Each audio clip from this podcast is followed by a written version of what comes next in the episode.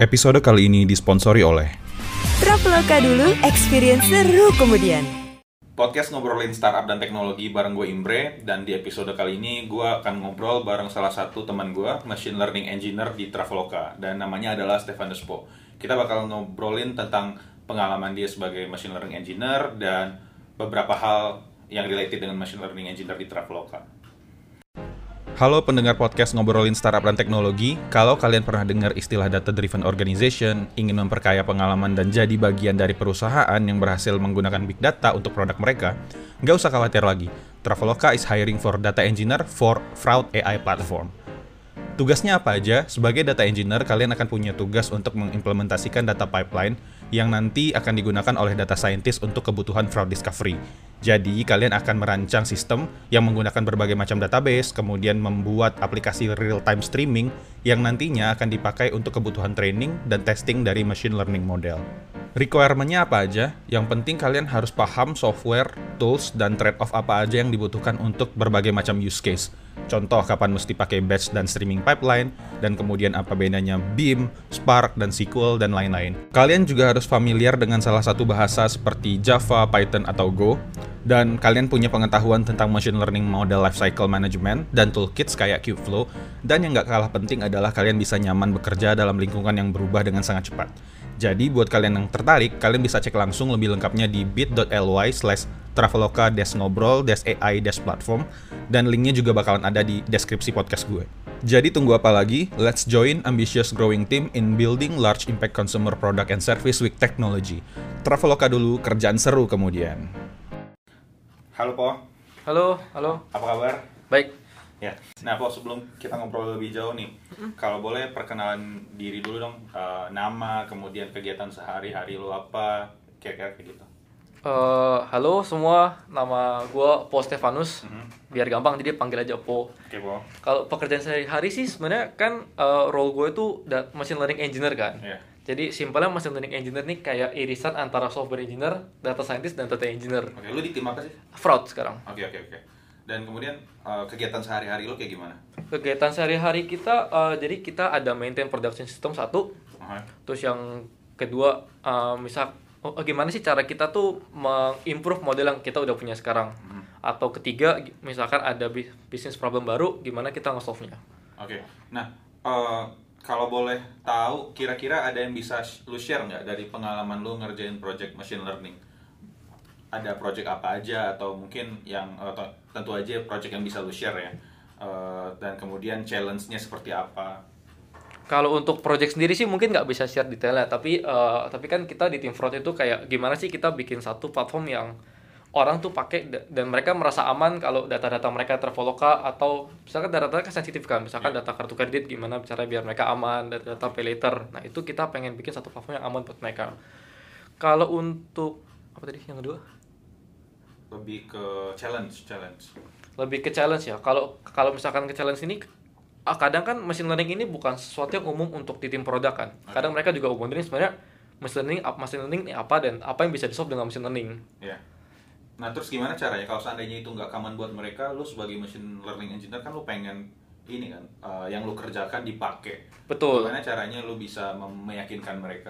Meyakinkan mereka pertama kita biasa ngomong sama mereka dulu sebenarnya apa sih masalahnya? Okay. dari sana kita bikin formulasiin sebenarnya problem ini perlu nggak kita solve pakai machine learning? Atau mungkin atau mungkin bisa pakai uh, engineering biasa nggak perlu machine learning. Okay. uh, kalaupun kita lihat oh ini sebenarnya bisa di solve pakai machine learning baru biasa kita bikin eksperimen gitu. Uh, kita bikin model yang simple kita bakal balik ke mereka. Kalau misalkan kita pakai dengan cara ini sebenarnya itu impactnya ke kalian bakal seperti ini sih. Okay. gitu. Nah nanti besok orang bisnis yang lihat oh ternyata impact ini emang worth. Jadi kita oke okay, kita bakal gue pakai machine learning yang udah kalian buat. Oke okay, kalau seandainya mereka nggak mau oh, kayaknya kayaknya nih walaupun lo menghasilkan segini tapi apa ya gue juga nggak yakin kayak gitu. Biasanya yang dilakukan apa? Apakah ya udah lo give up dengan hal kayak gitu atau ada hal-hal lain nggak sih kalau emang menurut kita value tinggi, biasa kita bakal tetap ngepush sih. Atau atau mungkin kalau untuk hal yang risky, biasa kita mulai, oh gimana kalau kalian coba kasih kita traffic 10% dulu. Oh, gitu. Nanti kita okay. bisa kasih lihat dengan 10% ini sebenarnya impactnya kalau misalkan kita tarik ke 90% selanjutnya tuh kayak gimana. Oke, okay. dan itu semuanya pakai statistik, knowledge, dan segala macam. Iya, kurang lebih seperti itu. Kalau boleh tahu di tim lo ada berapa orang sih, Pok? Uh, sekarang kita tiga orang di tim fraud. di oke di tim fraud itu roles-nya sebagai apa aja Role-nya yang dua data scientist, yang satu setengah data scientist, setengah machine learning engineer. yang mana nih? Which is gua, setengah machine learning engineer. nah apa yang membedakan data scientist dan machine learning toh pada dasarnya machine learning lu juga bikin model dan data science juga bikin model ya nggak sih Betul. Eh, biasa perbedaannya gini, kalau data scientist itu biasa yang mereka lebih ke mereka mereka fokusnya lebih di bisnis. Mereka yang ketemu Oke. sama tim bisnis, apa sih sebenarnya problemnya, formulasinya apa, metrik seperti apa yang kita mau pakai. oke Nah, kalau machine learning engineer, biasa kita bisa ngeliat sebagai software engineer yang membantu data scientist. Oke. Jadi misalkan mereka udah ada satu model atau mereka satu vision, kita yang biasa implement jadi satu production ready system. Oh jadi lu kayak ngatur gimana caranya deployment dan Betul. segala macam. Oke oke. Berarti itu yang ngerjain itu di tim lu dulu dong. Iya.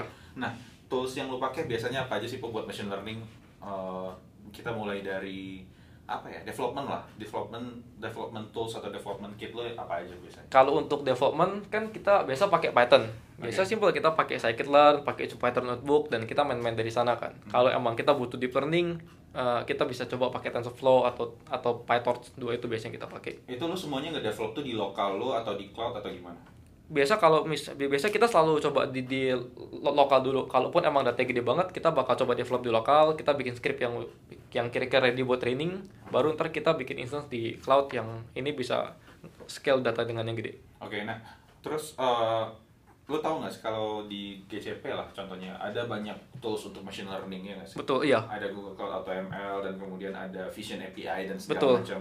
Lu sebagai machine learning eh, engineer mungkin ada juga kan beberapa use case yang lu bikin sendiri. Nah, lu melihat tools-tools itu kayak gimana sih? Apakah sebenarnya tools itu nggak sesuai dengan kebutuhan lu atau sebenarnya ada beberapa yang bisa lu ambil dari sana apa gimana? sebenarnya kalau tools ini menurut gue membantu banget sih cuman kan kadang use case-nya nggak fit sama punya kita kan Iya. kalau emang use case-nya kita fit dengan tools ini kita mungkin kayak dua minggu kita udah bisa nge problem yang sebenarnya cukup gede gitu Oke. cuman kalau misalkan emang ternyata nggak fit ya kita harus develop de- punya kita sendiri sih Jadi lu akan training model sendiri, ngumpulin da- data sendiri dan Betul. segala macam. Ya. Nah, tadi kita ngebahas di uh, development. Kemudian setelah development mungkin ada fase CI/CD integration dan segala macam. Biasanya kalau di software engineering kan kayak ya ada Jenkins, ada segala macam. Kalau di machine learning itu gimana flow-nya? Apakah development development, kemudian CI/CD integration dan kemudian deployment itu gimana biasanya? Eh, kalau untuk yang bagian software engineer-nya, CI/CD bakal sama persis sama di software engineer. Jadi Oke. kita so- kalau misalkan sekarang kita pakai Flask, kita pakai Jenkins, kita pakai Kubernetes. Cuma mungkin ada komponen tambahannya adalah gimana kita naruh machine learning model kita yang udah ready. Naruh di Naruh sekarang kita biasa di dalam GCS. Oh, Oke. Gitu. Jadi nah jadi nanti aplikasi yang kita di Kubernetes dia by default bakal narik da- narik model yang dari DCS ini baru kita serve di sana. Oke, jadi setelah modelnya selesai di train, lo akan taruh di kayak semacam bucket GCS. Betul. Dan kemudian nanti aplikasi yang bakal serving REST API bakal consume data dari sana. Betul. Dan itu common. Itu apakah satu-satunya cara yang biasa dilakukan orang untuk ngedeploy model uh, machine learning atau ada cara lain setahu lo? Nggak juga sih. Eh, sebenarnya di deployment deployment ini kan kadang eh, banyak tipe kan. Ada yang misalkan real time deployment yang which is kita bikin real time API, real time API. Cuman kan kadang misalkan ada yang misalkan kita cuma butuhnya batch. Jadi jadi jadi sehari sekali kita nge-write nge-write output mesin kita misalkan untuk di tim Rexis. Ya. Itu kan bisa aja daily bikin Tim daily. Rexis, coba sebut. Uh, mungkin orang nggak tahu Rexis. Oh itu sorry, recommender itu Rexis itu maksudnya kita bikin tim recommender system. Jadi recommender system kan kadang defaultnya oh kita bikin day, kita bikin daily result nih? Oke. dari search aggregation gitu. Itu juga bisa atau kita bisa pakai tools yang udah ready. Jadi misalkan di AWS ada SageMaker, Ya. di GCP kita ada M- eh, ML Engine. Itu Oke. sebenarnya bisa kita pakai juga. Hmm, oke oke oke oke. Nah, sekarang setelah machine learning model itu ke deploy, ada operation toolsnya nggak sih? Katakan kalau sekarang gue bikin aplikasi REST API, misalnya, gue bisa nge-monitor gimana performance in terms of latency dan kemudian apa lagi? uh, latency, kemudian ada error kah, error log dan segala macam. Betul. Lu bisa punya matrix, red matrix lah orang uh, nyebutnya. Red error sama satu lagi gue lupa apa. Nah, kalau di machine learning biasanya matrix-matrix apa aja sih yang lo lihat setelah model lo di deploy ke production? Setelah model kita di deploy production, biasa bakal balik lagi ke objektif awalnya apa. Jadi mi- jadi mis- mi- misalkan misalkan di fraud, misalkan fraud ini kita bahas soal uh, uh, transaksi yang kita reject gara-gara kita risky. Nah, itu biasa Gara-gara lo pikir itu adalah uh, transaksi yang mencurigakan. Betul. Oke. Nah, it, nah metrik-metrik ini juga kita bakal monitor di dalam production system kita. Jadi misalkan tiba-tiba oh, kok hari ini ada 10% transaksi yang reject. Ini kan agak aneh kan.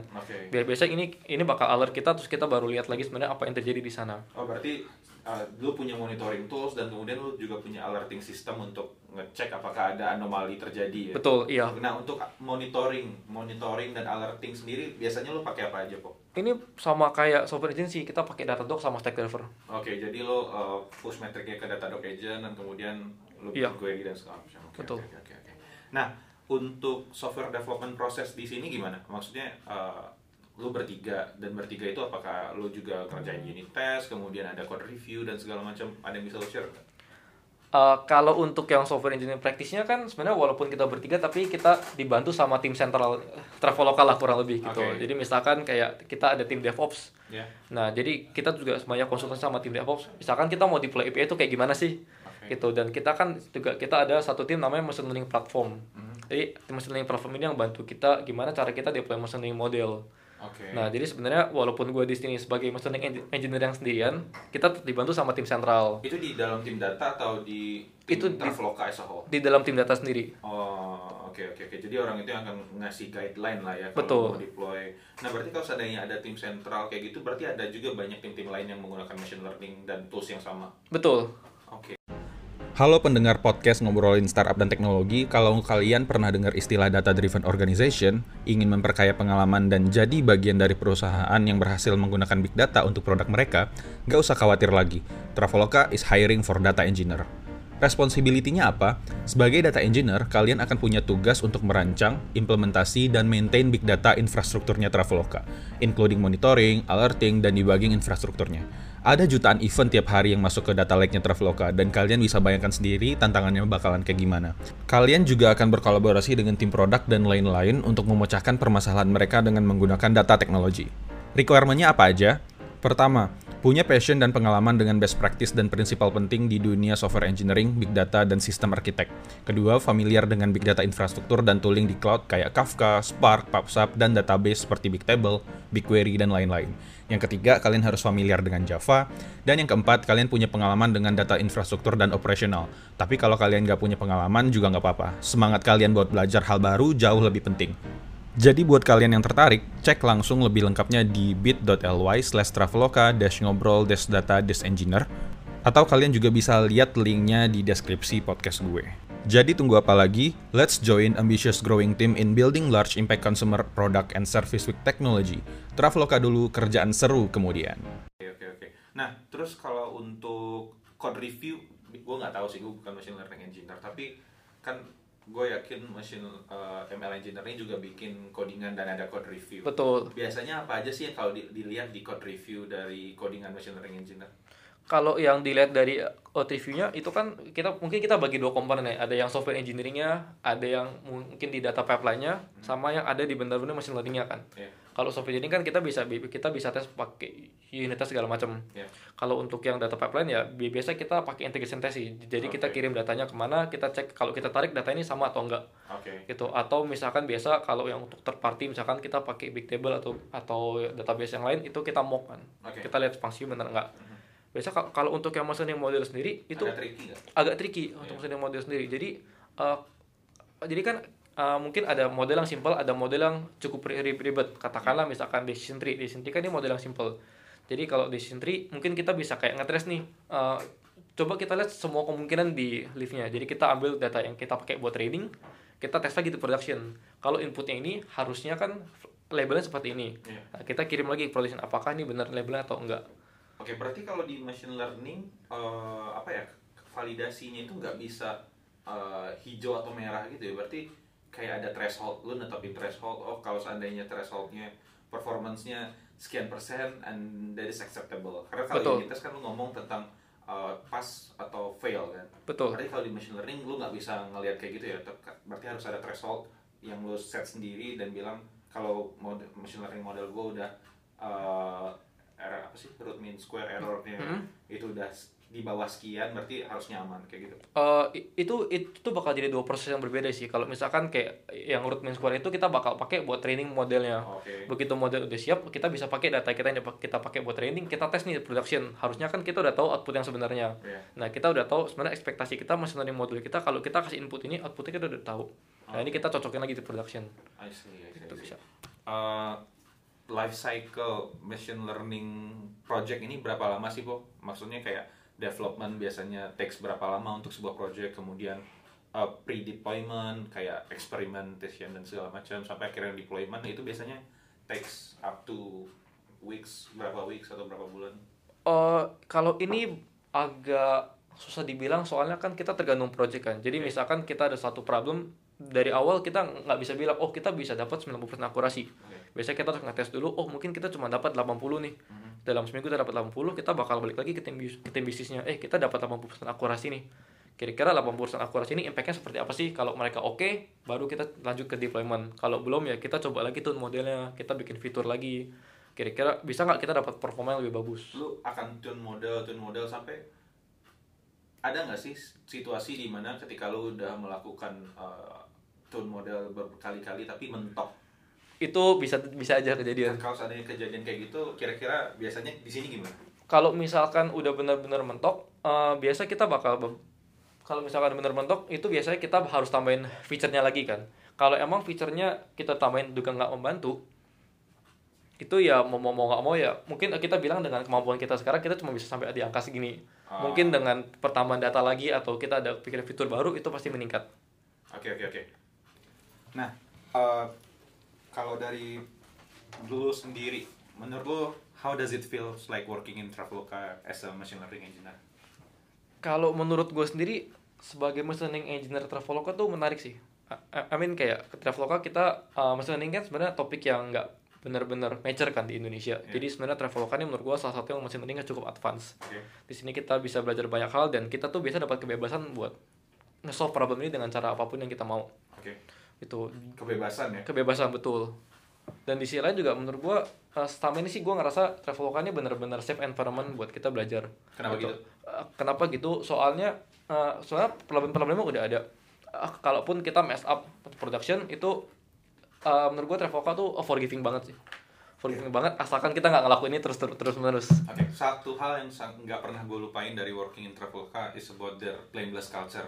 Iya. Jadi ketik seberapa pun jelek, bukan seberapa pun jelek sih, tapi eh, segimanapun parah down yang terjadi dan nggak pernah ada tunjuk-tunjukkan itu sih menurut gue yang paling menarik. Dan lu eh, pernah mengalami hal-hal kayak gitu nggak? Pernah? Dan eh, gimana caranya lu dan tim lu menghadapinya? Apa yang lu lakukan ketika ada per- permasalahan? Ketika ada permasalahan, pasti awalnya kita langsung cari tahu sebenarnya gimana kita ngemitigasi ini dulu.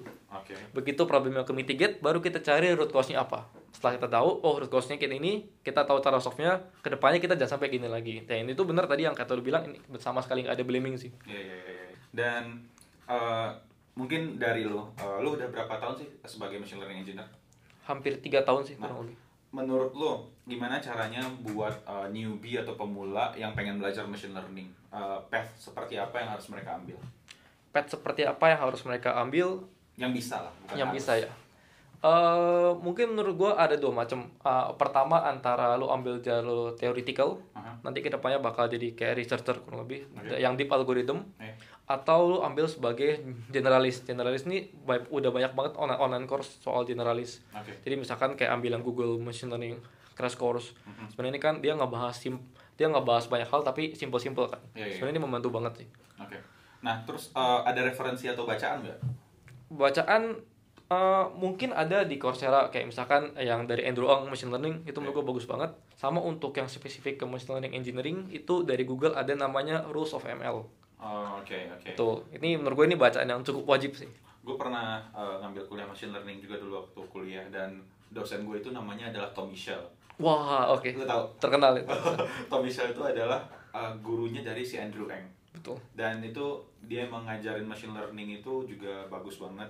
Dan apa ya gue yang kayak nggak ngerti machine learning diajarin dia tuh jadi paham banget lah. Dan kalau seandainya kalian juga pengen belajar machine learning mungkin kalian bisa cari video-video Andrew Ng kemudian Tom Michel menurut gue itu adalah orang-orang gila yang knowledge-nya luar biasa nah setuju setuju uh, gue nggak punya pertanyaan lagi tentang machine learning, tapi gue punya beberapa pertanyaan tentang diri lo. Hobi lo apa kok? Main badminton? Main badminton masih ya. Masih dong. Dan eh, ada nggak sih milestone yang pengen lu capai dalam satu atau dua tahun ke depan? Dalam Oh, waktu dekat lah. dalam waktu dekat ya kalau untuk untuk dalam waktu dekat mungkin enam bulan ini gue lagi memfokusin buat mengembangkan diri gue sendiri sih Oke. enam bulan ini enam- oh, setelah enam bulan ini lewat gue mulai berpikir kayak gimana sih cara gue give back ke community Oke. itu mungkin kayak gue bisa bisa ngajar atau gue bisa nulis blog itu Iya, yang iya. gue mulai karena di Indonesia sendiri learning ini masih hal yang baru dan menurut gue belum banyak orang yang nge-share gitu Oke, walaupun menurut gue kalau seandainya lu pengen melakukan itu salah satu caranya lu bisa start community sih. Gue nggak tahu apakah ada nggak sih community machine learning ada tapi menurut gue kecil banget dan nggak terlalu aktif ya. betul Nggak sama kayak komunitas eh, Jakarta JS kemudian yang lain-lain. Eh, kalau menurut gue itu opportunity sih kalau seandainya lu emang pengen contribute karena gue the first time I contribute I create a community. Jadi kalau seandainya lu pengen nyoba ya menurut gue hmm, bisa bisa dicoba Pok. boleh nih bisa dicoba Tapi masalahnya biasanya Makasih. kalau anak-anak Traveloka waktu, ya iya kita kadang terlalu sibuk Iya makanya. Tapi kayak ya uh, that's good thing. Uh, gue salut sama lo tentang hal itu dan gue menunggu sih kapan ketika lo pengen share, let me know. Siapa tahu ada beberapa hal yang bisa lo share di komunitas gue. wah oke Oke. Dari gue itu aja. Thank you banget po udah mau ngobrol-ngobrol. Uh, semoga bermanfaat buat orang-orang yang mau mulai belajar machine learning atau lagi belajar machine learning. Dan mungkin kalau lagi ngerjain project machine learning juga di kantornya. Dan itu aja.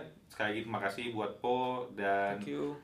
kalau seandainya kalian punya pertanyaan atau kalian punya masukan tentang podcast gue baik dari sisi konten atau dari speakernya siapa lagi feel free to let me know. Mention gue di twitter at imrenagi. Gue nggak pakai instagram walaupun instagram gue ada itu aja. Terima kasih yang udah dengerin. Wabillahi taufiq wal hidayah. Assalamualaikum warahmatullahi wabarakatuh